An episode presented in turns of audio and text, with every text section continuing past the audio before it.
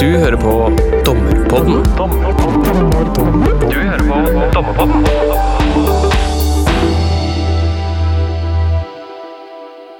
Vi tenker gjerne på digitale bevis som spesielt objektive og pålitelige. Hvis jeg f.eks. får fremlagt en rapport om teledata i en straffesak, så føler jeg meg i praksis ganske trygg på hvor den telefonen har befunnet seg i den aktuelle perioden. For å være helt ærlig så er det i praksis noe jeg i veldig liten grad problematiserer når jeg sitter som dommer i retten. Men er det alltid sånn? Og kan vi legge digitale spor til grunn helt ukritisk? Det er det kanskje grunn til å tenke litt over. Vi har invitert eh, Nina Sunde i dag. Hun er politioverbetjent ved Politihøgskolen. Og I tillegg til å være politi med bred erfaring fra etterforskning, så har hun tenkt ganske mye på akkurat dette med digitale bevis. Hun har skrevet en mastergrad fra NTNU eh, i Digital Forensics and Cybercrime Investigation. Og så har hun en ph.d. fra UiO som heter Constructing Digital Evidence, a study on how cognitive and human factors affect digital evidence. Så det høres veldig smart ut, syns jeg. Velkommen til Dommerpodden, eh, Nina. Tusen takk. Du, digital forensics eh, er et veldig kult eh, ord, syns jeg. Hva betyr det egentlig? Eh, det betyr, eh, hvis vi oversetter i en sånn politikontekst, så, så, overs, så betyr det eh, digital kriminalteknikk. Altså det vi kan tenke oss tradisjonell kriminalteknikk, hvor man er på åsteder og samler spor og sikrer de og, og trekker slutninger på bakgrunn av de, så er det det samme man gjør, men bare i den digitale verden, med digital forensics. Nettopp. Og du leder en forskergruppe på Politihøgskolen som heter Politi og teknologi. Det hørtes jo både aktuelt ut for vårt tema, men også spennende. Hva, hva gjør egentlig gruppa politi og teknologi? Ja, det er ei forskergruppe ved Politihøgskolen som har både interne og eksterne medlemmer. Og eh, felles for de som er medlemmer der, er at man forsker på ulike aspekter av eh, politi og teknologi, rett og slett. Og ikke bare Det er lett å assosiere det med IT-teknologi, men det er ikke bare IT eh, og data det er snakk om der, det er også annen type teknologi, da. Ut ifra mange forskjellige perspektiver. Det er både den kanskje mer tekniske delen, men også filosofi og juss og sosiologi og kriminologi og psykologi. Så en ganske spennende gruppe. Eh, og vi ser på eh, ulike måter som politiet kan bruke eh, teknologi for å øke kvaliteten og effektiviteten da, i, i operativt arbeid og i etterforskning og i forebygging av kriminalitet. Eh, og for øyeblikket så er det vel kanskje AI, eller Artificial Intelligence, eller KI som man sier på norsk, som er et eh, ekstra aktuelt tema i denne gruppa, hvor man eh, har sett på hvordan AI kan eh, bidra til å bekjempe overgrep på nett, f.eks. Eh, hvilke utfordringer som AI kan eh, bidra med i, for politiet og i politiarbeid. og også spørsmål rundt eh, AI og juss og etikk som er kjempeviktig. Mm. Nettopp. Så dere er ikke annerledes enn oss andre, dere er også opptatt av AI om dagen? Ja da, ja da, ja da. Ålreit. men, men, du har forska litt på eh, mennesket oppi alt dette her, du Nina? Ja, det stemmer det. Mm. Så det skal vi snakke litt om i dag. Det, det syns jeg er et eh, veldig spennende tema, egentlig. Fordi altså det er jo etter hvert en kjent sak at mer eller mindre det, alt vi gjør her i verden, det legger inn digitale spor, og, og noe som har ført til at vi, ikke overraskende kanskje, ofte får fremlagt digitale bevis i mange straffesaker, og, og, og, det blir ofte presentert som ganske sånn sentrale bevis. Um, det er vel også, også i sivile saker etter hvert en tendens til at det, det fremlegges litt sånn sivil, nei, unnskyld, digitale bevis. Mm. Så har vi um, vel etter hvert lært at tekniske bevis som vi tidligere anså som sikre, Fingeravtrykk og alderstesting er kanskje litt sånn eh, klassiske eksempler. Kanskje krever en nærmere analyse eh, og vekting før man legger de til grunn som, som sannheten med stor S, på en måte. Mm. Um, og jeg har som nevnt uh, innledningsvis da, tenkt at digitale bevis, de er pålitelige. Der, er du, der får du på en måte sannheten. Men hva tenker du? Tenker du at jeg bør bli mer kritisk når jeg får meg forelagt digitale bevis?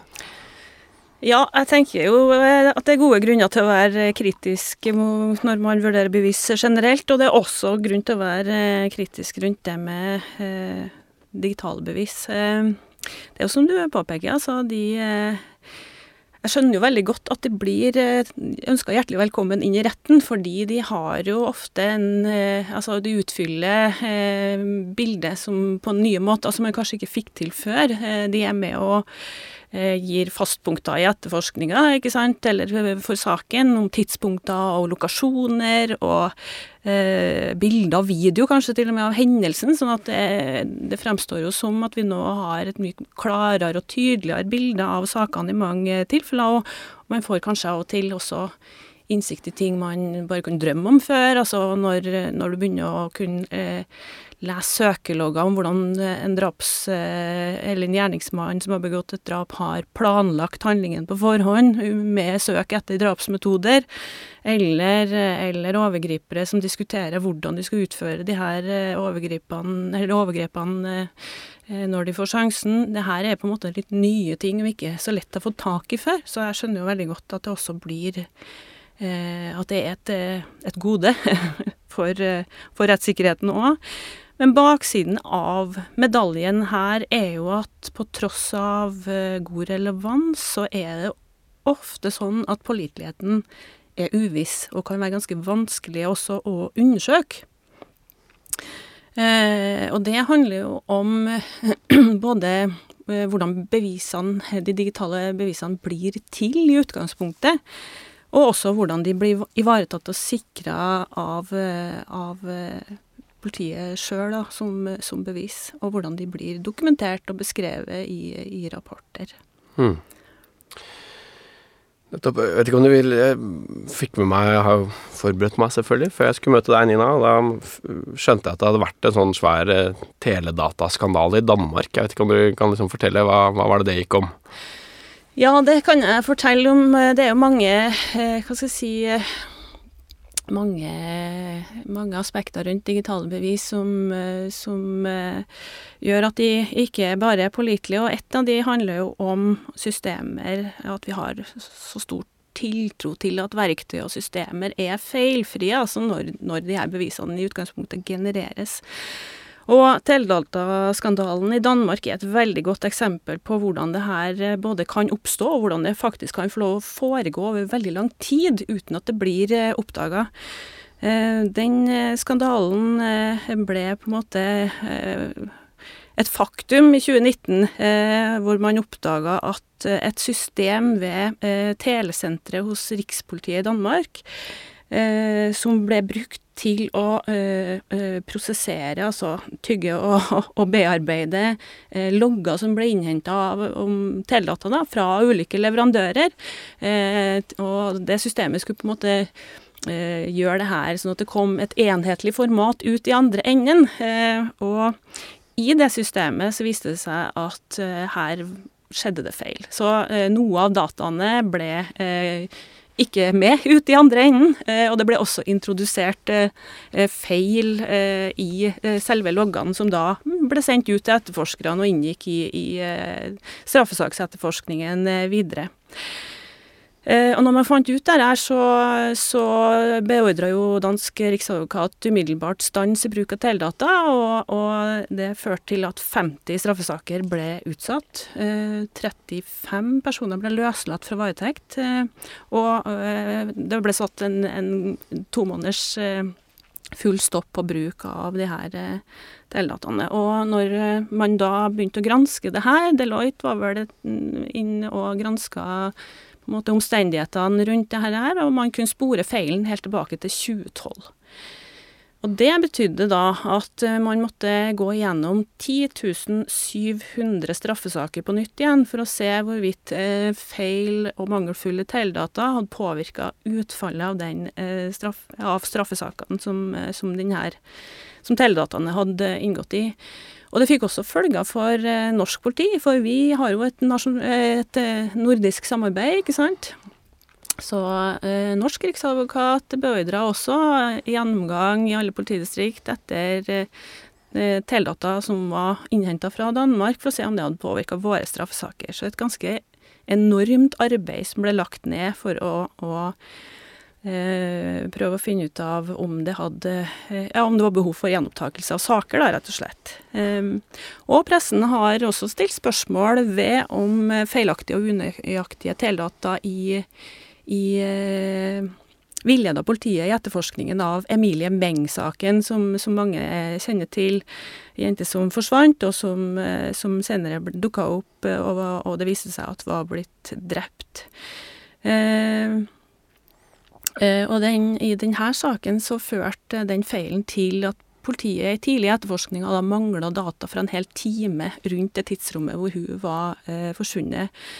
Og media har vært veldig eh, på i den saken, og også sett på eh, feil rundt basestasjonsopplysninger, eh, som er sentrale i teledata, altså hvor, på hvilke punkter er det kommunikasjonen har gått over. Eh, og her fant de altså et avvik mellom den oppførte eh, basestasjonen i på en måte de lokasjonene man får i de her loggene, og den faktiske plasseringa på eh, avvik fra 200 meter helt opp til 82 km. Så det er klart at her, her er det mange lag med feil som til sammen kan, kan villede og, og faktisk føre til fullstendig feilaktige slutninger. Og, og kanskje her leda politiet eh, bort fra Emilie Meng mer enn, mer enn eh, å faktisk kunne ha funnet tidligere, da. Det er jo veldig dramatisk. Um, og denne eh, saken fra Danmark viser jo også hvor stor omfang det kan få når det er systemene det er noe gærent med. Mm. Førte det til noen gjenåpninger eller noen omgjøringer av domfellelser, eller? Eh, nei, det kjenner jeg ikke til at det gjorde. Og et av problemene her var at man ikke Altså rådataene, om man skal kalle det det, de originale dataene, var i veldig stor grad sletta. Ja. Dermed så hadde ikke man noe å holde eh, det på en måte det bearbeidede sammen med, sånn at, eh, sånn at det førte nok ikke til det. Men det har fått noen andre følger i Danmark. Blant annet så har man oppretta et eh, bevismiddeltilsyn som skal ha tilsyn med etterforskningen, etterforskninger som innebærer eh, tekniske bevis, både datatekniske og andre bevis som DNA og, og, slikt. Som helt rutinemessig ser på alle saker hvor det er bevis, eller? Nei, det gjør de nok ikke. Det er nok eh, mer et tilsyn som ser på det med, med jevne eller ujevne mellomrom, så vidt jeg har forstått, men det er i alle fall et uavhengig tilsyn som, som, eh, hvor man skal kunne Se om politiet har tilstrekkelige rutiner, eh, at de eh, jobber tilstrekkelig for å holde god kvalitet osv. da. Mm. Mm. Right, men, men, dette er jo et eksempel på at selve det systemet, den bearbeidingen politiet gjør, eh, er feil. Altså det er noe gærent med det systemet, oppfatter jeg. Hva slags andre type feilkilder kan man se for seg da, med digitale bevis?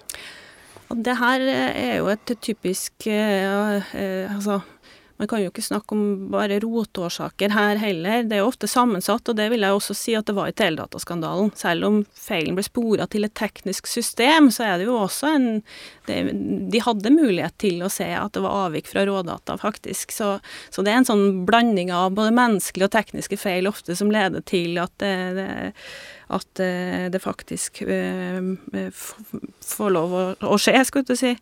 Når jeg har sett på det her, så, så, ser jeg jo at det er mange ulike kategorier med feilkilder i tillegg til det tekniske, og mye handler om mennesker eller grupper av mennesker, eller så videre ut til det organisatoriske, egentlig. Altså, det er, det er sammensatt. Uh, og jeg har jo sett uh, spesielt på det her som handler om kognitive feilkilder i min forskning, som går på påvirkningsfaktorer og, og beslutningsfeil, uh, også rundt digitale spor og bevis. men det er klart, det kommer på toppen av kompetanse, som er en sånn kjerneelement i, i Mangelfull kompetanse vil, vil, vil, på en måte kanskje være en, en en av de viktigste årsakene til at eh, ting kan gå gærent, da, på mange plan. Mm. Ja, det, er jo på en måte det som er det store temaet i dag. Men, men du snakket litt i stad om at også det kunne være noe feil knyttet til uh, produksjon av dataene. Jeg vet ikke om det er riktig begrep, jeg, men, men, hva slags type feil kan det være? på en måte? Altså ja, det handler jo om hvordan eh, dataene blir til. Altså vi kan tenke oss at de de, der hvor vi i politiet henter, henter, data ut fra, det er gjerne systemer som ofte er lagd for helt andre formål enn å produsere bevis. Eh, ikke sant? Banker som lager sine logger, har det for, for å vedlikeholde sine systemer og, og innenfor de kravene de har til sin drift, men, men ikke for nødvendigvis for den presisjonen man kan tenke seg at man må kreve for at det skal kunne legges fram som et bevis. Det samme med teledata, som er velbrukt eh, i, i politietterforskninger, så er det Formålet med å ha de her loggene er jo ikke for vår del, det er for, eh, for at man skal kunne sørge for en, en, drift av telenettet og en fakturering av kunder. Etter hvert eh, så har de mindre og mindre behov for det også, ikke sant. Sånn at kvaliteten på, på hva man tar vare på, hvor fullstendig det er, og hvor oppdatert og nøyaktig det er, det er jo ikke alltid i forhold til de kravene vi kanskje stiller da. Nettopp. Det være viktig å ha en slags bevissthet rundt det. da, Hvor, hvor kommer dette fra, og, og hva, øh, hvilket formål har den opprinnelige innhentingen hatt, kanskje? Absolutt. Absolutt. Ålreit. Um, men vi skal nå snakke litt om, um, om din forskning, Nina. Um, men det er mulig at dette kommer litt sent i episoden, for tilgi meg de som hører på. Men, men uh, hvis du bare snakker om, eller beskriver kjeden fra liksom dataene lages til de presenteres i retten. Kan du bare liksom gi oss et kort overblikk over prosessen? Ja, eh, fra dataene lages er det kanskje litt eh, vanskelig å si noe generelt om, men, men, det som er viktig å huske på, er at det, er liksom, det her er, det er aldri naturgitt, på en måte. Det, ikke, det, vil alltid være et menneske som har produsert systemet hvor dataene blir laga i, eh, og, og, lagt inn kriterier i det som, gjør, som påvirker på en måte hva, hva som blir data i første omgang. Um, og når det så eh, identifiseres mulige kilder for, for, bevis, så er det politiet som, eh, som, innhenter det fra systemer eller enheter. Typisk mobiltelefoner, datamaskiner, ikke sant. Eller at det hentes ned fra internett, eh, ulike kilder på internett.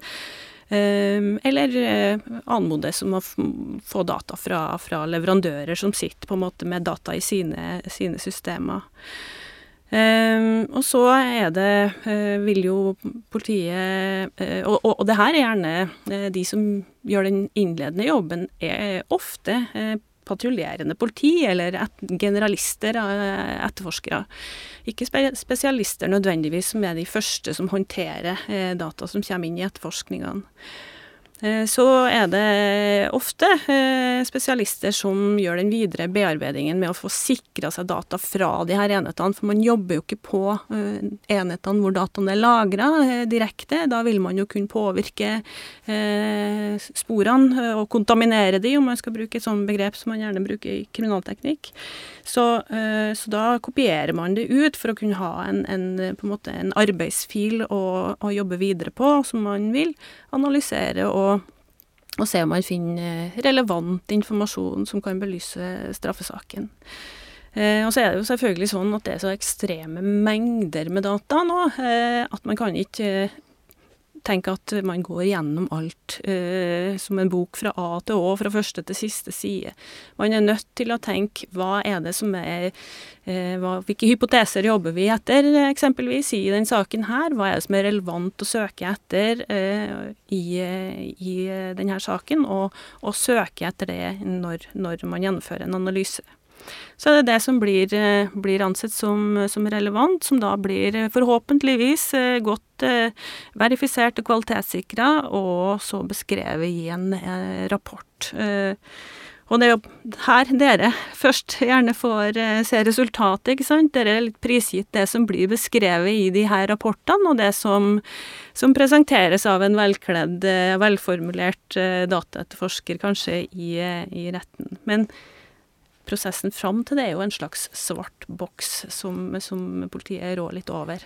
Mm, og det var jo så interessant på en måte altså Dette burde jeg sikkert ha tenkt på, men, men at, at, det er på en måte mennesker som gjør vurderinger på, en måte på alle punkter i den prosessen. Mm. Så både når du identifiserer eh, hvilke typer spor som kan finnes, når du samler de inn og, og sikrer de, så er det noen mennesker involvert. Mm. Og så er det klart at det er noen tekniske systemer i tillegg, men også liksom klargjøringen og, og analysen av sporene har et eller annet menneske som har en eller annen hypotese og en tanke om hva, hva man holder på med. Nettopp. Og det er jo det som eh, gjør at jeg tenker at det her, selv om vi på en måte kontrastere det kanskje litt da til vitnene som vi har en god eh, Der vet vi jo at her er det, de kan lyve, de kan huske dårlig, de kan påvirke informasjonen i mange former og fasonger steget ikke så enormt kanskje til at det er dataetterforskeren selv som, som, observerer og forteller og beskriver hva han har funnet. Så, så det er viktig å huske at, eh, at, forskjellen ikke nødvendigvis er stor. Det er noen som er de tause vitnenes stemme også her. Mm. Det er det du har forska på, det skal vi straks komme til. Men, men er det riktig at, eh, at det ikke har vært forska så mye på den delen av digitale bevis? Eller, eller misforstår jeg? Nei, det har du helt eh, rett i. Eh, når jeg begynte å grave i det her, først i masteroppgaven min og senere i, i doktorgradsarbeidet, så fant jeg veldig lite forskning som handla om, eh, om, Ingen forskning egentlig som handla om kognitive feilkilder, og veldig lite som dreide seg om kunnskap og behovet for, for det i i, eh, i eh, digitale, rundt digitale spor og undersøkelser av det. Så det var veldig mye teknisk forskning. Det er jo en, en hva skal jeg si, Opprinnelsen til det her feltet kommer jo fra et teknisk sted. Eh, det er computer science og, og ingeniørvitenskap og den veien som har brakt det her inn i politiet. Og, og der har ikke mennesket hatt en sånn veldig stor og tydelig plass. Der er man opptatt av innovasjon og, og utvikling og Eh, effektivitet eh, og eh, ja, mennesket har Det er ikke en, en samfunnsvitenskap som sådan som har, har, brukt Som har sett så mye på hva, hvilken rolle mennesket spiller da i, i behandlingen av det her. Det er, jo morsomt. Det har jo en side mot det du har forska mot. At også er et sånt sosialt aspekt der. At det, man ikke har forska på det fordi det er litt sånn tech-folk tech som, eh, som, har introdusert denne teknologien, eller denne typen bevis. Ålreit. Mm. Men um, vi har holdt på en liten stund her, Nina. La oss, uh, eller la ikke oss, la deg fortelle litt om, uh, om hva er det du egentlig har forska på, og, og, og, hva ja, Kan du ikke bare beskrive litt hva, hva du har holdt på med?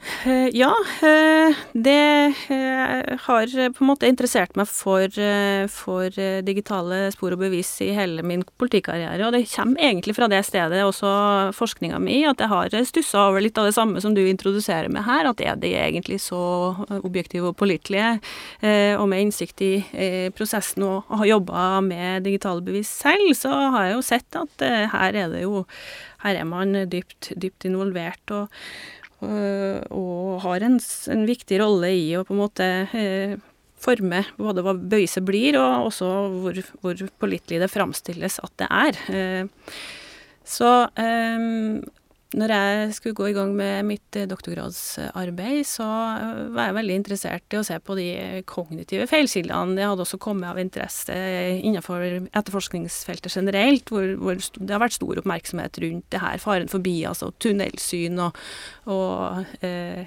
ensidig etterforskning, og hvilke følger det kan få. Så jeg begynte å lure litt på hvordan er det her eh, i eh, forensic science, eh, altså kriminalteknikken i bredt, er det et, en utfordring der, og er det forska mye på. Eh, og det fant jeg jo ut at det, var, og oppsiktsvekkende mye forskning egentlig, som dreide seg rundt det man kanskje har tenkt på som veldig objektive disipliner, da, som DNA og fingeravtrykk og sånne, sånne disipliner, og, og, og selv når man skal se om det er en match, eller, sant, eller om, om det er en identifisering, så også der så, så kan man eh, påvirkes spesielt av, av, kontekst, som man kaller det så fint. Altså informasjon som ikke har relevans for saken, kan påvirke hvordan, hva du ser, og, og du, eh, hvilke slutninger du trekker. Og jeg leste meg gjennom eh, mye av den forskninga og ble stadig mer interessert, eh, både i det og også spørsmål rundt Eh, ja, hvis vi da har lik informasjon, da, hvis vi ikke har noe kontekst, ta bort dette elementet, er vi da, trekker vi da like slutninger? Eh, og også her så viser jo forskninga at vi er nok uh, mye mer Det er større variasjon, og vi er lite, li, lite konsekvente både med oss sjøl og mellom eksperter når, når man vurderer og tolker og, og beslutter. Så mitt spørsmål var da hvordan ser det her egentlig ut innenfor eh, digital etterforskning? Har noen forska på det før? Og, og eh, det, det, var noe av det første spørsmålet jeg stilte, og fant ut at her har ingen åpna den døra, så her var det på tide å se ja, skiller de seg fra den øvrige eh, mengden av forskning, eller eh, Og hva er spesielt, og hvor er på en måte eh, eventuelt de eh, punktene hvor, hvor, det er mest sårbart da, i dataetterforskningsprosessen. Så det var eh, veien inn til det. Eh, og da eh, valgte jeg å sette i gang et eksperiment, faktisk, for å forske videre på, på det her. Og det er eksperimentell metode som er brukt i mye av den øvrige forskninga òg, så det er naturlig å på en måte bygge på på mye av det for å også utvide området gjennom denne her forskningen. Og så jeg inviterte eh, dataetterforskere fra mange forskjellige land eh, til å delta i dette eksperimentet, hvor de skulle analysere den samme laptopen, da, eller sikringsfila fra en laptop. Det har aldri blitt gjort før, så vidt jeg kjenner til. Um, var det noen Hadde du laget da den datapakken, eller var det Ja, det var en, en, eh, en eh, case-fil som jeg fikk eh, fatt i, som var produsert av et universitet, og som var veldokumentert, sånn at jeg hadde god kontroll på hva som befant seg på den. ikke sant? For det er jo et viktig moment her at man har på en måte the ground truth når man, man starter, for å kunne måle hva er det de finner. Eh, så, så jeg delte de opp i, i grupper. Det visste, jo selvfølgelig ikke de om. De fikk uh, sitte på sin, sine hjemmedatamaskiner, si, sine, sine, laboratorier og gjennomføre det her eksperimentet, men jobba alene med det og analyserte den samme, samme datamaskina. Jeg kan si to ord om den casen som de også fikk, for det er jo uh, også litt sentralt i forhold til resultatene. da. De fikk en ganske sånn Eh, triviell, et trivielt scenario som det her på en måte stamma litt ifra. Da. Det var en, et, eh, et eh, firma som hadde opplevd en informasjonslekkasje. Det var scenarioet de fikk, hvor, lederen kom til politiet og, anmeldte dette forholdet, og, og, fortalte at et dokument var på avveie og var blitt posta på konkurrentens webside.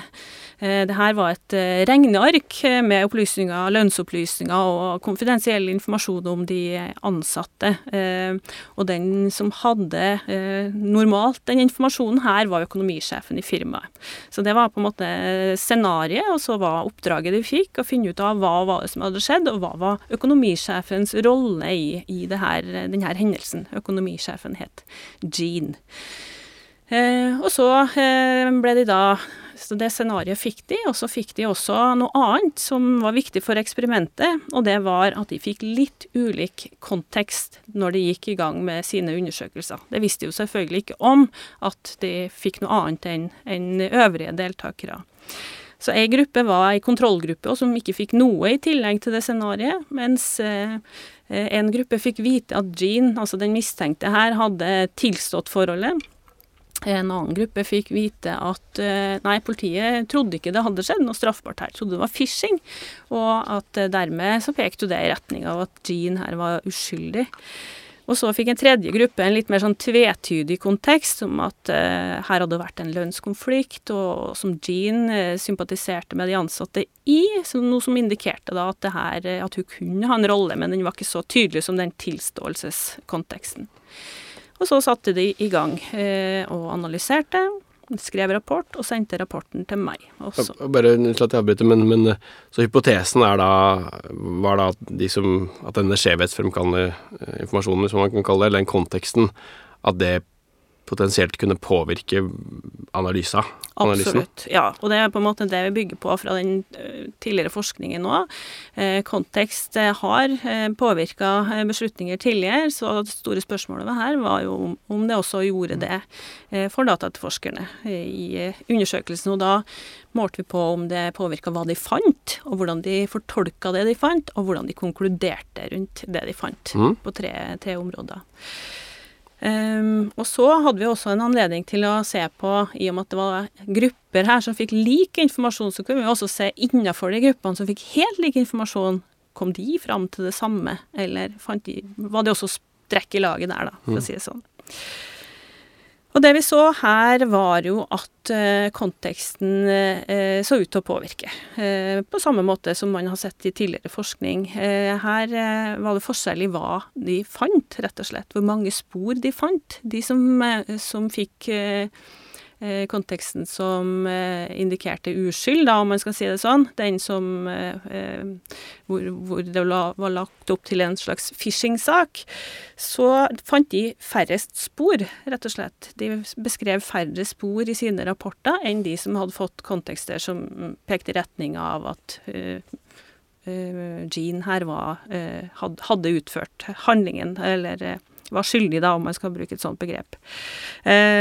så Eh, og så er det selvfølgelig et lite eksperiment, og ikke noe vi skal generalisere fra. Og i alle fall ikke rundt eh, altså at vi må passe på den typen kontekst og den typen kontekst.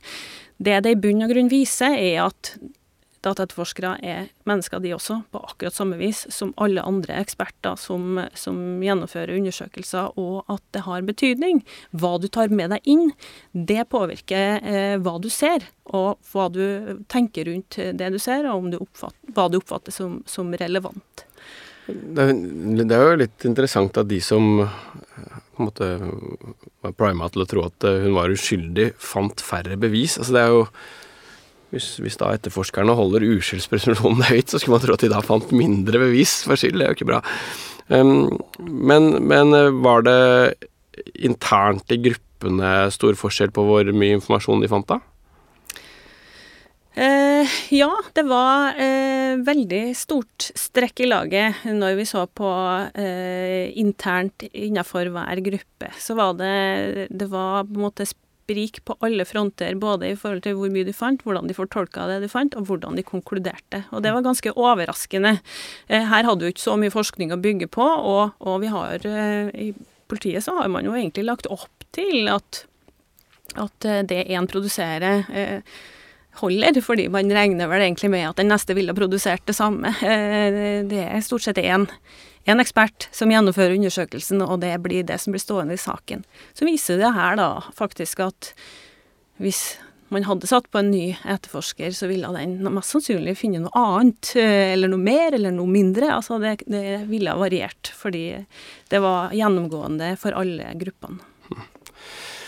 Så, så, sier du at det var forskjell på, også på gruppenivå mellom hva slags informasjon deltakerne fant i dette datasettet, men var det også forskjell på hvordan funnene ble tolket og konklusjonen som ble trukket? Kan du si noe om det?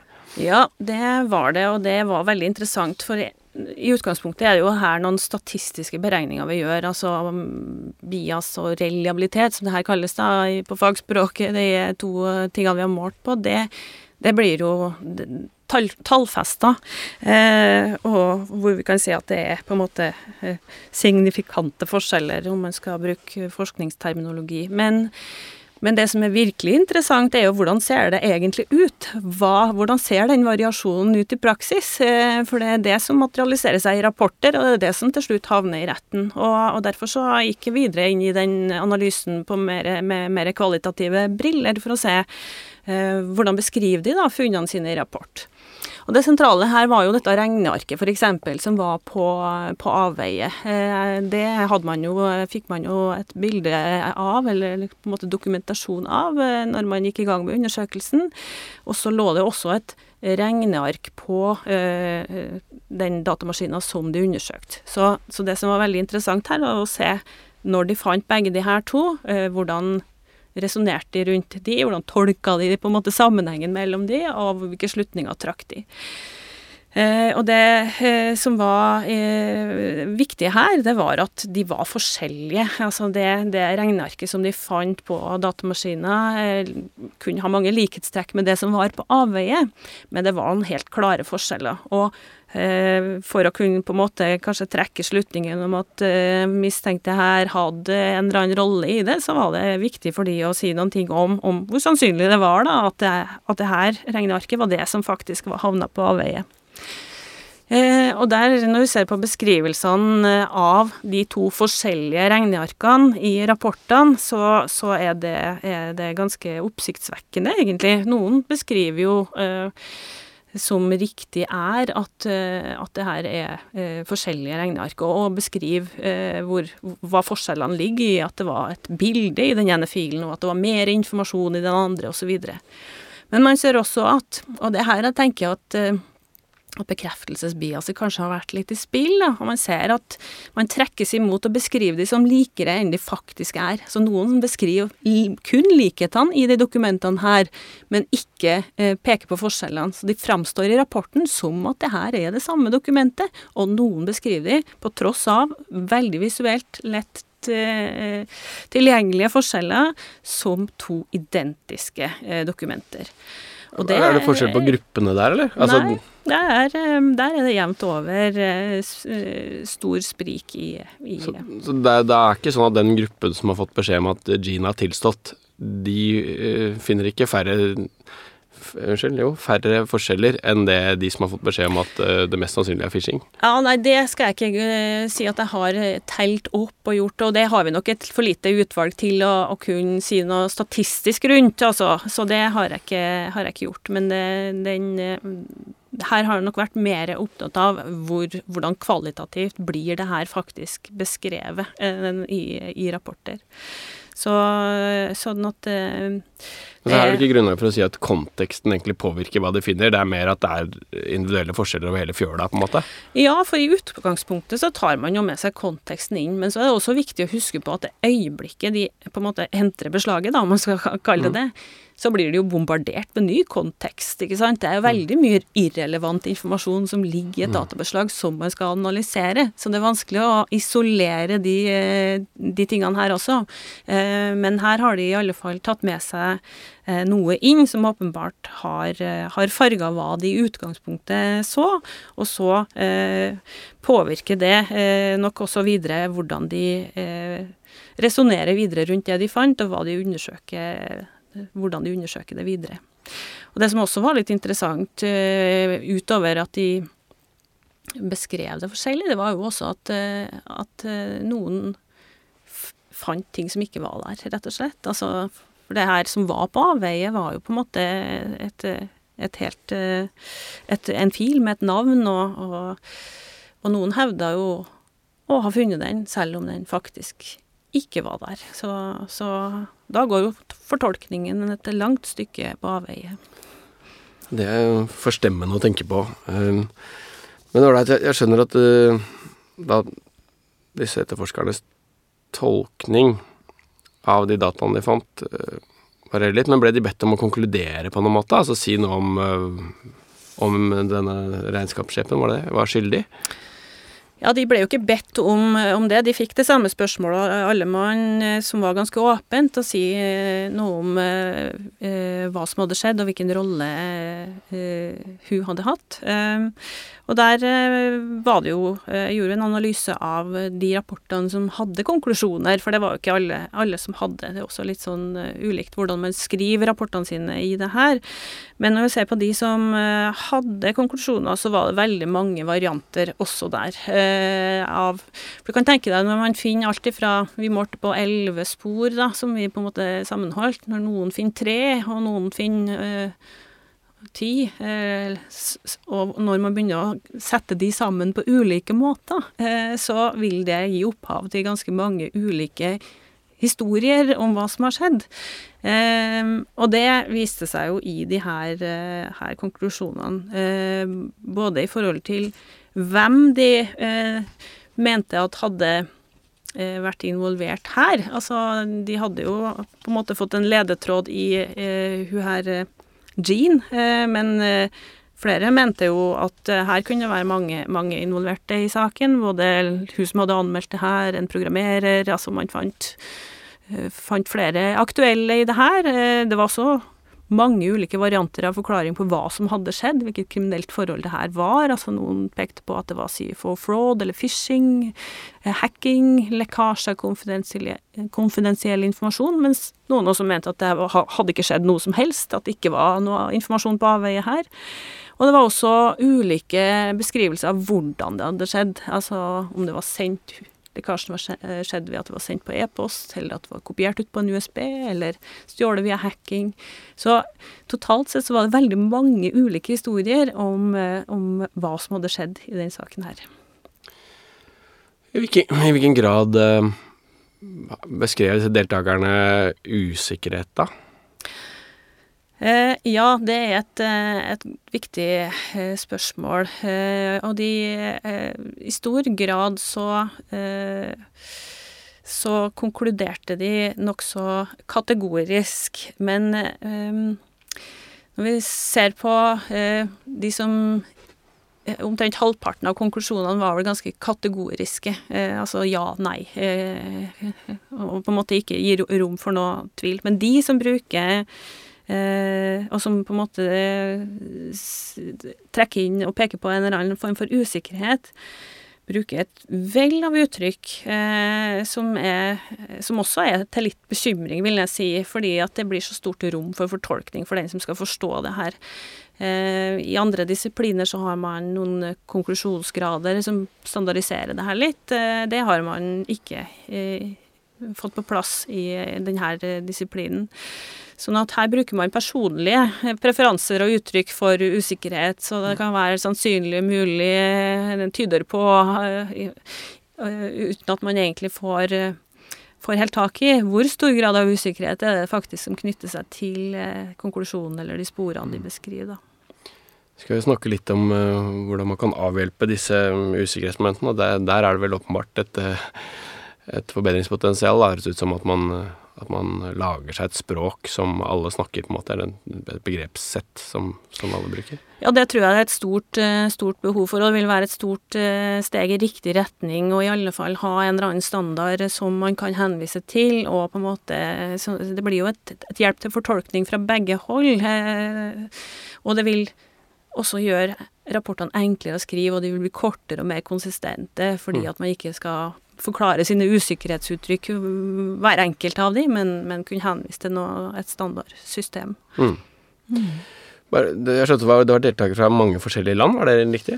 Ja, det var det. Eh, det var åtte forskjellige land, vel, men hovedsakelig fra Norge. 44 av de 53 var fra Norge, og så var det enkeltdeltakere fra flere andre europeiske og land. Kanskje, litt, litt, litt, få til å mene noe om det var forskjeller på kulturer i de forskjellige landene og sånn, da? Ja, det var ikke noe grunnlag for å kunne gjøre en sånn eh, sammenligningsanalyse, så, så det har jeg ikke bitt meg ut på. Det var enkelt, enkeltdeltakere fra land, og det, det blir absolutt ikke noe å generalisere fra. Når det er så mange fra Norge, så kan vi kanskje heller ikke si at det sikkert er annerledes med norske dataetterforskere? Nei. Nei, det kan vi nok eh, ikke. Det, det, slutningene fra dette prosjektet kan vel i størst grad generaliseres til Norge, vil jeg si da, med, med så mange deltakere herifra. Men, eh, men, det er altså et eksperiment, og det er ett eksperiment, så vi kan ikke si at det her er Altså sånn, sånn, sånn, er det alltid. Det er, sånn, sånn, vil det jo være i, i, en forskningssituasjon hvor det er noen begrensninger. Her hadde jo også begrensninger på tid, så det er klart det kunne også ha påvirka noe av det her. Men, men, det er i alle fall viktig, en viktig kunnskapsbit som vi trenger og kan bruke til å bygge videre med, da. Mm. Ja da, jeg skjønner at dette er litt sånn tidlig, tidlig fase på dette feltet. Men mm. um, Altså, vi har vært innom uh, forskning på andre typer objektive bevis, i anførselstegn. Um, for eksempel um, I altså, Kahnmann-bøkene så er det referert noen undersøkelser på fingeravtrykk. Mm. Altså sånne fingeravtrykkseksperter som får uh, skjevhetsfremkallende informasjon, hvor uh, i hvert fall de resultatene som beskrives uh, av Kahnmann, er, er ganske urovekkende. Altså hvor stor påvirkning de får for konklusjonen, at de får en eller annen form for skjevhetsfremkallende informasjon. Jeg vet ikke om det er det mulig å si noe om liksom, Er det eh, Er denne type digital bevis du snakker om, er det mer pålitelig eh, eller mindre? Altså, jeg går an å liksom si noe om hvordan dette forholder seg til forskning på andre typer eh, tekniske bevis, da. Er det? Eh, det er vanskelig å si noen ting om sluttresultatet uten å si noen ting om Altså, nøkkelen til å vite noe om hvor mye man kan stole på resultatet, vil jeg jo si alltid vil avhenge av hvordan undersøkelsesprosessen er gjennomført, rett og slett. Mm. Og at det er god transparens rundt både altså at man har brukt en god praksis for, for undersøkelsen som er egnet til, til på en måte den typen undersøkelse som, som, er gjort, og at det er riktig kompetanse og, og, til å forstå og tolke det du ser, ikke sant. Og til å trekke mest mulig sikre slutninger og kunne beskrive de presist, mm. eh, og også inkludert usikkerheten. Så, så, eh, jeg vil ikke gradere digitale spor i forhold eh, til, eh, til de øvrige. Jeg tenker at her, her er det behov for men det, men det, vi kan si om digitale spor, er at det foreløpig er litt uregulert, og at det er behov for å settes i større grad av system rundt mm. både prosedyrer for hvordan ting skal gjennomføres, og at, at man gjennomfører ikke bare forebyggende kvalitetstiltak, men også kanskje noe kvalitetskontroll før man presenterer det her mm. særlig kritiske funn da, for retten. Mm. Det, altså det at det er liksom stort strekk også innad i gruppene som du forsket på, indikerer jo kanskje at dette med kompetanse er litt viktig. At det er forskjell på hvor flinke den enkelte etterforsker er, egentlig. Eller, eller eh, ja, og Leser jeg for mye i det, da? Som, eh, som jeg var, sa innledningsvis om hvem jeg har forska på, så har jo jeg forska på eh, egentlig spesialistene i politiet. Eh, og så er det viktig å huske på at det er ikke bare spesialistene i politiet som tar i digitale spor og bevis. Mm. Eh, de undersøkelsene gjennomføres også av helt vanlige etterforskere i noen eh, tilfeller, i mange tilfeller faktisk. Eh, og uten at de kanskje passerer pulten til en, en spesialist. Sånn at eh, kompetanseelementet ligger alltid i bunnen her, og det er det som eh, Altså, en, en eh, etterforsker uten dypere teknisk kompetanse kan jo oppdage noe i, og se at det er relevant, men, men å trekke noen slutninger rundt det er jo det er jo her den tekniske kompetansen blir så viktig, sånn at man ikke blir frista til å bare tenke og tro og synse og mene uten å ha et eh, tilstrekkelig grunnlag for å faktisk si det man sier. Og det er kanskje spesielt når vi begynner å snakke om spor som handler om aktiviteter, ikke sant. Hendelser, uh, sånne ting, som, som, krever mer kompetanse enn å bare si at det er noe der, et bilde er her, osv. Det vil alltid være et spørsmål om hvordan havna det der. Ble det faktisk lasta ned? Eh, eller har det blitt tilsendt? Altså, det er jo kjempeviktige spørsmål for, eh, for utfallet av en, en, sak ofte. Det er jo eh, Høres jo umiddelbart riktig ut at det er, det er viktig å få satt et litt bedre system og få økt kompetansen på politisiden, men det er jo også et tankekors, kanskje, at uh, selv om politiet gjør mye av fotarbeidet i straffesakene, så er jo systemet vårt sånn at det er dommeren som for så vidt i siste instans, da, eller dommerne, som skal vurdere bevisverdien av den type bevis. Mm. Så det fristende å tenke at også vi dommerne, da, kanskje burde skaffe oss litt høyere kompetanse på å vurdere disse tingene. Ja, det tror jeg er et, en god tanke. Og jeg har jo ingen eh, altså, tro på at det, det, man skal utdanne alle dommere til spesialister innenfor det feltet her. Det må jo, vil jo både være urealistisk og uriktig bruk av, av den kompetansen. Men jeg tenker å styrke kompetansen sånn at man har mer digital forståelse, kanskje, om vi skal kalle det. Altså være i stand til å stille gode, kritiske spørsmål og være i stand til å forstå svarene man får fra de, eh, vil vel kanskje være et eh, steg i, i eh, riktig retning.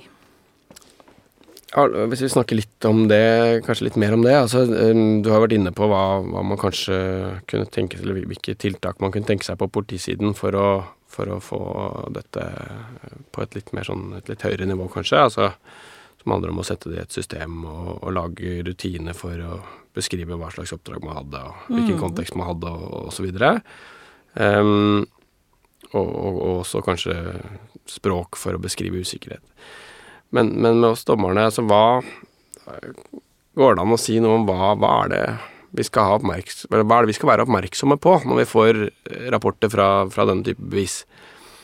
Hva slags spørsmål skal vi stille? Altså Du skulle si vi skal stille gode spørsmål, men, men hvilke spørsmål er de gode spørsmålene, egentlig? Ja, ja her er det jo eh, som jeg, jeg gjentar meg jo sjøl litt her, men, men, igjen så kommer vi jo ned til kompetanse. Det å være sikker på at den som har utført en, om det så er en, ja, et, en undersøkelse rundt et spor, har hatt kompetanse til å faktisk eh, forstå hva man eh, har gjort, og om, eh, om spor Hvis, hvis det her beviset har stor verdi for avgjørelsen av saken, om det har blitt kvalitetssikra av noen andre.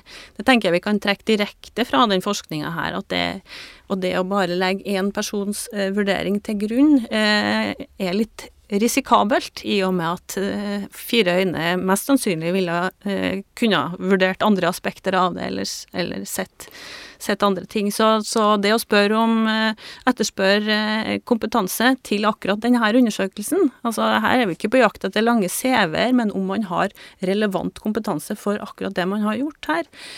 Og om man selv, eller ved hjelp av andre, har, har, forsøkt å kvalitetssikre det sporet for å grave mer i usikkerheten rundt det. Det tror jeg er essensielle spørsmål å stille. Men er det noe Altså i Norge i dag i praksis, er det sånn at man har to forskjellige etterforskere som vurderer uavhengig av hverandre? Altså skjer det? Eh, ikke, ikke, rutinemessig, eh, så gjør det det. Vi er i gang med et, eh, å innføre kvalitetskontroll. Vi har hatt et, et prosjekt nå eh, siste året, hvor vi har jobba med kvalitetskontroll av datatekniske rapporter, hvor man har prøvd å satt det i system og testa det ut som, som, hvor lang tid tar det, hvor omfattende er det, hvilken kompetanse skal vi sette på det, og for å få på en måte litt mer kunnskap om, om de spørsmålene. Eh, så det gjøres nok eh, til dels i dag, eh, mest kanskje på å lese gjennom eh, hverandres rapporter med tanke på språk og tydelighet og sånne ting, men kanskje ikke i så stor grad å vurdere hverandres arbeid. Så dit strekker vi oss eh, mot nå, da. Eh, så er det en form for kvalitetssikring, eh, også igjen på initiativ fra den som som har gjennomført undersøkelsene. Når det er etterforskere som gjør det, så er det de selv som kan be en dataetterforsker, en spesialist, om å gjøre en verifisering eller en dypere teknisk undersøkelse av det de har gjort. Men, men det er noe Det er ikke satt i et system som sier at sånn skal det være. Så her tenker jeg at uh, påtalejuristen uh, i større grad bør uh, være litt våken på det og etterspørre det. Det er jo første steg på veien, å sørge for at det blir gjort, og spesielt kanskje når man står overfor de litt sånn kritiske fasene i etterforskninga, når det er snakk om å ta i bruk tvangsmidler før man kommer til dere og ber om varetektsfengsling eh, og sånne, sånne, ting, så sørg for at man ikke bygger korthuset på Eller bygger korthus, da, på, på, på eh, dårlige og usikre spor, eh, men også at man tar en, en ordentlig gjennomgang av det før man vurderer tiltale, og sørger for at at eh, bygger det på, i stor grad på digitale spor, så bør de kvalitetssikres før man tar den beslutningen. Mm. Fordi hvis, hvis, de resultatene du har funnet er repliserbare og, og, på en måte gir uttrykk for hvordan virkeligheten er, så, så skulle man jo kanskje i en ideell verden ønske seg at to etterforskere helt uavhengig av hverandre gjennomgikk den type databeslag. Ja, og det tror jeg i noen tilfeller så er det nettopp det som er litt nøkkelen også. Ikke bare for kvalitetssikring, men vi tenker Altså, her får vi jo innsikt i at vi ser jo veldig forskjellige ting, og det, altså, det er jo ikke noen ny kunnskap. Det, vi har med oss erfaringer, vi har med oss øh, Eh, vår individuelle eh, si, eh, vårt individuelle syn på verden og, og, erfaringsgrunnlag inn, og det gjør jo at vi faktisk ser forskjellige ting i det daglige også. Og det vil være akkurat det samme i en etterforskning. Så noen gang så vil det å, å knytte på flere kanskje gjøre at du kan få Uh, utvida uh, grunnlaget. Altså finne mer relevant informasjon som noen med sine briller på ikke, ikke vil anses som relevant, men som andre som har et annet perspektiv inn i det, vil faktisk oppdage. Mm. Så, så, jeg tror at det handler ikke bare om kvalitetskontroll, det her, men det handler jo også om å opplyse saken godt nok i noen tilfeller. Det kan være saker hvor man har gått seg inn, malt seg inn i et hjørne og gått seg inn i et for smalt spor.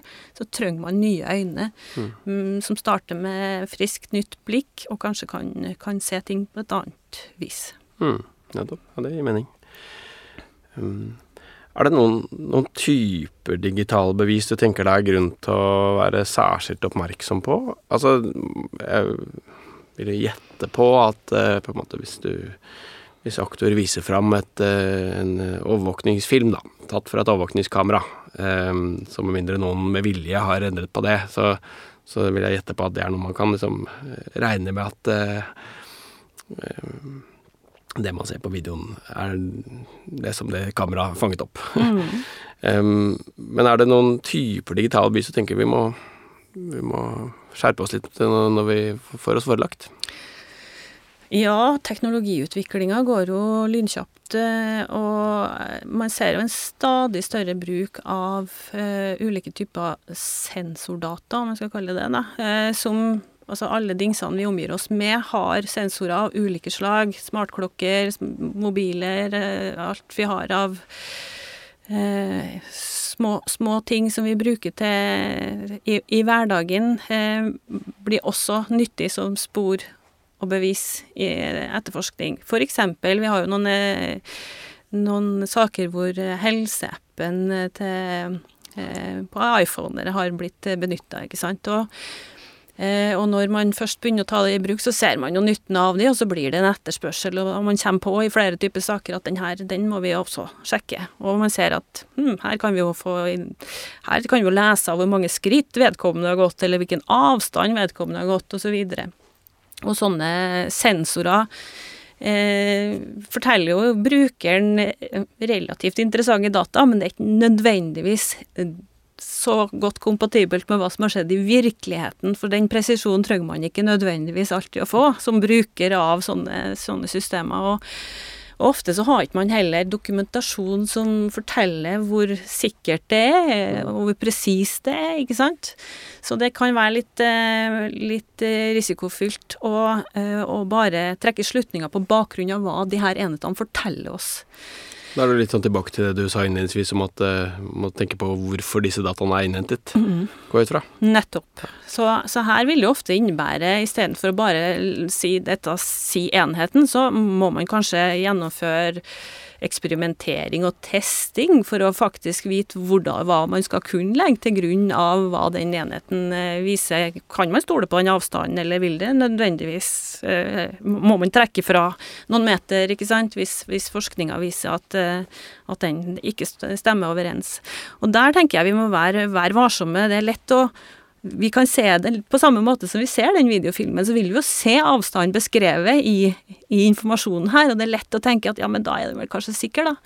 Så, så det å, å, ikke bare godta å stille spørsmål med hvorfor, hvorfor har, har, har vi god nok kontroll på uh, hvordan den dataen blir til, og at vi kan stole på at den representerer virkeligheten, om man skal bruke et sånt begrep, så, så tror jeg vi kommer et stykke lenger. Mm tenker sånn litt sånn store forskningsprosjekter knyttet til hva, hva feilmarginen på Apples helseapp er, er vel ikke sånn veldig praktisk innenfor rammen av en eh, enkelte straffesak, vil jeg tro.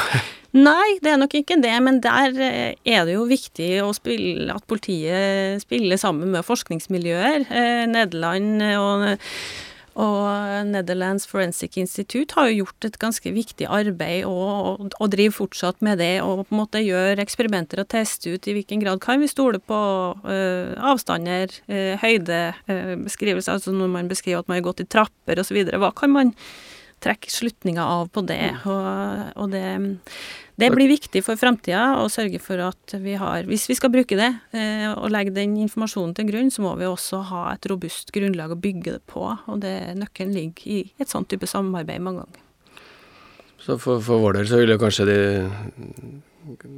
best practice være da å spørre etter, etterspørre den type dokumentasjon, da. Ja. Hvis du får den type bevis som du tenker hva vet jeg egentlig om presisjonen her, Mm. så, så kan man plage aktor med, med, med å be om eh, rapporter fra det, nederlandske forskningsmiljøer.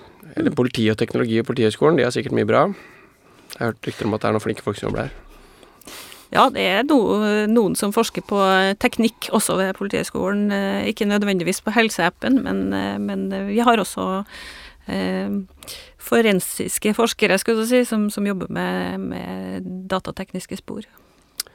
Forensiske forskere. Det er, vi snakket om hva forensic hva var nå egentlig det norske ordet. Jeg vet ikke om forensiske er Nei, det er et vanskelig begrep det der, fordi det, ja, det blir Forensic science snakker man jo om, og det omfatter jo på en måte mer enn enn hva vi kaller kriminalteknikk. Der har du både rettsmedisin, og du har eh, rettsgenetikk og rettspsykologi, og du har vel flere, flere ting. Men forensisk Vi har ikke noe godt, en god oversettelse av det, så gi meg, gi meg gjerne den, så blir jeg hjertelig blir jeg veldig glad for det. Jeg føler meg relativt trygg på at jeg ikke er rett mann for å, for å finne, finne det ordet. Det før vi, vi, vi nærmer vel oss uh, slutten, tror jeg, Nina. Men um, er, det, er det noen situasjoner hvor du tenker at uh, vi dommerne bør eh, sende saken tilbake eller beordre ytterligere etterforskning? Altså er det noen type tilfeller der du tenker vi må sette ned foten og si at dette går ikke? Kanskje vanskelig? Ja, det er vanskelig å si på, på generell basis, eh, men jeg tenker jo at, eh, at når, når mye bygger på digitale spor, og avanserte digitale spor, som vi ikke kanskje har eh, Som ikke er av det eh, kaliberet som du snakker om, som man er vant til å se, altså video eh, Teldata har man mye kunnskap om, men når det begynner å bli eh, nye sporkilder som man ikke har like god kunnskap om, eh, er man usikker på om man kan legge det her til grunn, så tenker jeg at det er betimelig å be om eh, at om sakkyndighet, kanskje, eh, i noen flere tilfeller, og sørge for at det, at det blir eh, satt på saken, eh, istedenfor at det, man tar sjansen og legger til grunn at det er pålitelig. Det siste høres i hvert fall være litt sånn anstrengt forhold til beviskrav i, i straffesaker. ja, det håper jeg. Veldig bra. Er det, noe mer du kan si om eh, hva vi eller politiet kan gjøre om for å for å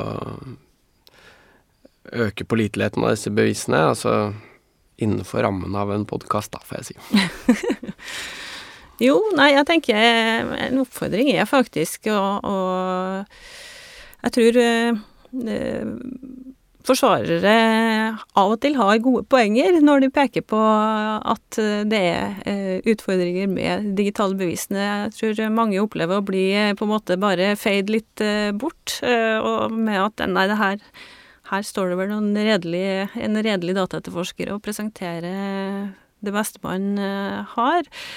Men av og til så tror jeg faktisk at eh, forsvarsadvokatene har, har et poeng når de påpeker at, eh, at det ikke er etterforska godt nok. Og det, det å, å sørge for at at også uskyldsdelen er opplyst da, gjennom, gjennom etterforskninga av digitale spor, er veldig viktig. Og at når de påpeker at det ikke har blitt gjort, så tenker jeg at vi skal lytte også til de da. Lytte til forsvarerne, det, det tenker jeg er et godt råd eh, også utenfor de, eh, den, denne situasjonen. Så, men, men takk for det. Um, før, før videre så var Det er jo noe kanskje litt utenfor eh, det vi snakker om, men du sa at dere jobbet litt med AI eller KI. Så det er fristende da å tenke på, eller spørre om Hvis du ser liksom framover i tid, hva slags problemer eller muligheter eh, tror du disse digitale bevisene kan eh, gi oss? Ja, det er, det er spennende tider vi står overfor eh, nå, i og med at AI har blitt tilgjengelig for folk flest. Det vel kanskje et lite paradigmeskifte vi har sett nå i senere tid, gjennom eh, chat-GPT, og og hvor plutselig alle har fått et forhold til eh, AI, i hvert fall mer konkret, selv om vi har brukt denne typen eh, teknologi litt sånn mer ubevisst over lengre tid, da. Jeg tror at vi vil møte ny kriminalitet gjennom det. Vi vil, men vi vil også kunne måte dra nytte av, av denne teknologien. Så lenge politiet evner å på en måte henge på, så vil man jo kunne også utnytte den kraften i det her til, til etterforskninger. Retten vil forhåpentligvis også kunne få god hjelp av, av denne teknologien eh, med tiden. Eh, men, eh, men, vi vil helt åpenbart altså stå for problemer rundt hva er virkelig? Hva er fakta her? Med forfalskninger av dokumenter, av bilder, av filmer, hvor det etter hvert blir, blir så godt uh, at det er vanskelig å i hele tatt vite hva, hva var opprinnelsen til noe. Det tror jeg vi vil møte i større grad framover. Um, så det blir uh, spennende tider. Viktig at at vi henger på og, og sørger for å, å, prøve å få den kompetansen vi kan, både fra politisiden og, og i retten, tenker jeg, på, på det feltet der. Men, eh, men utfordringen står nok i kø. Før vi begynte å ta opp, så snakket vi også så vidt om dette med deepfakes, som også er ganske skummelt. Eh, hvis du begynner å få eh, videoer som Eh, ikke representerer noe som har skjedd i virkeligheten, og uten at det kan avdekkes, da begynner det å bli vanskelig å, å vite hva som er sant. Uten tvil, og noe, vi har jo en tilbøyelighet til å tro på det vi ser og forstår, så, så det er nettopp der eh, kanskje den Ja, det er en, en, en eh, Det kan bli en utfordring for oss som vi må prøve å forberede oss på allerede nå, da. Det er ikke et godt råd, så litt vanskelig å vite hvordan det skal operasjonaliseres og forberede seg på det. Um, Nina, tusen takk for at du tok deg tid til å komme og snakke med oss i Dommepodden. Tusen takk for at jeg ble invitert. Jeg heter Ola Berg Lande, som sammen med Ragnar Lindefjell og Mikkel Østhagen Hamar utgjør redaksjonen i Dommepodden. Vi høres. Du har hørt på Dommepodden. Dommepodden er en podkast fra Norges domstoler, og er først og fremst ment som et kompetansetiltak for dommere. Hvis du har ris, ros, forslag til temaer eller folk vi kan prate med, så er vi glad for å høre fra deg, og da kan vi nås på podkast at domstol.no. Ha en god dømmende hverdag så lenge. Vi høres.